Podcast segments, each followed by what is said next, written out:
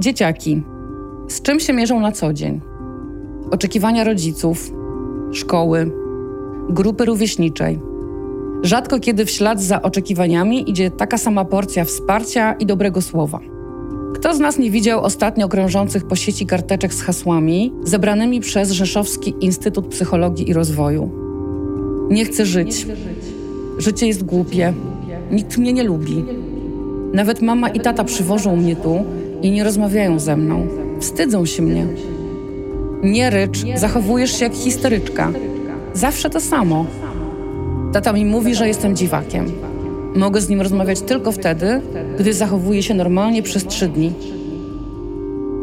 Czy wina leży po stronie nas, rodziców?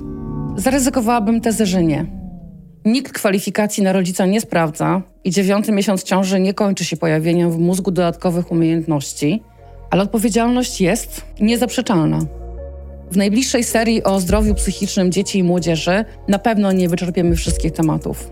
Ale mogę obiecać, że porozmawiamy o sprawach jak dziecięca neuroatypowość, wpływ rodziny na młodego człowieka, dziecięca trauma i przemoc wobec dzieci, niełatwy czas odrywania się od rodziców i szukania swojej tożsamości, dzieci z niepełnosprawnościami, samobójstwa.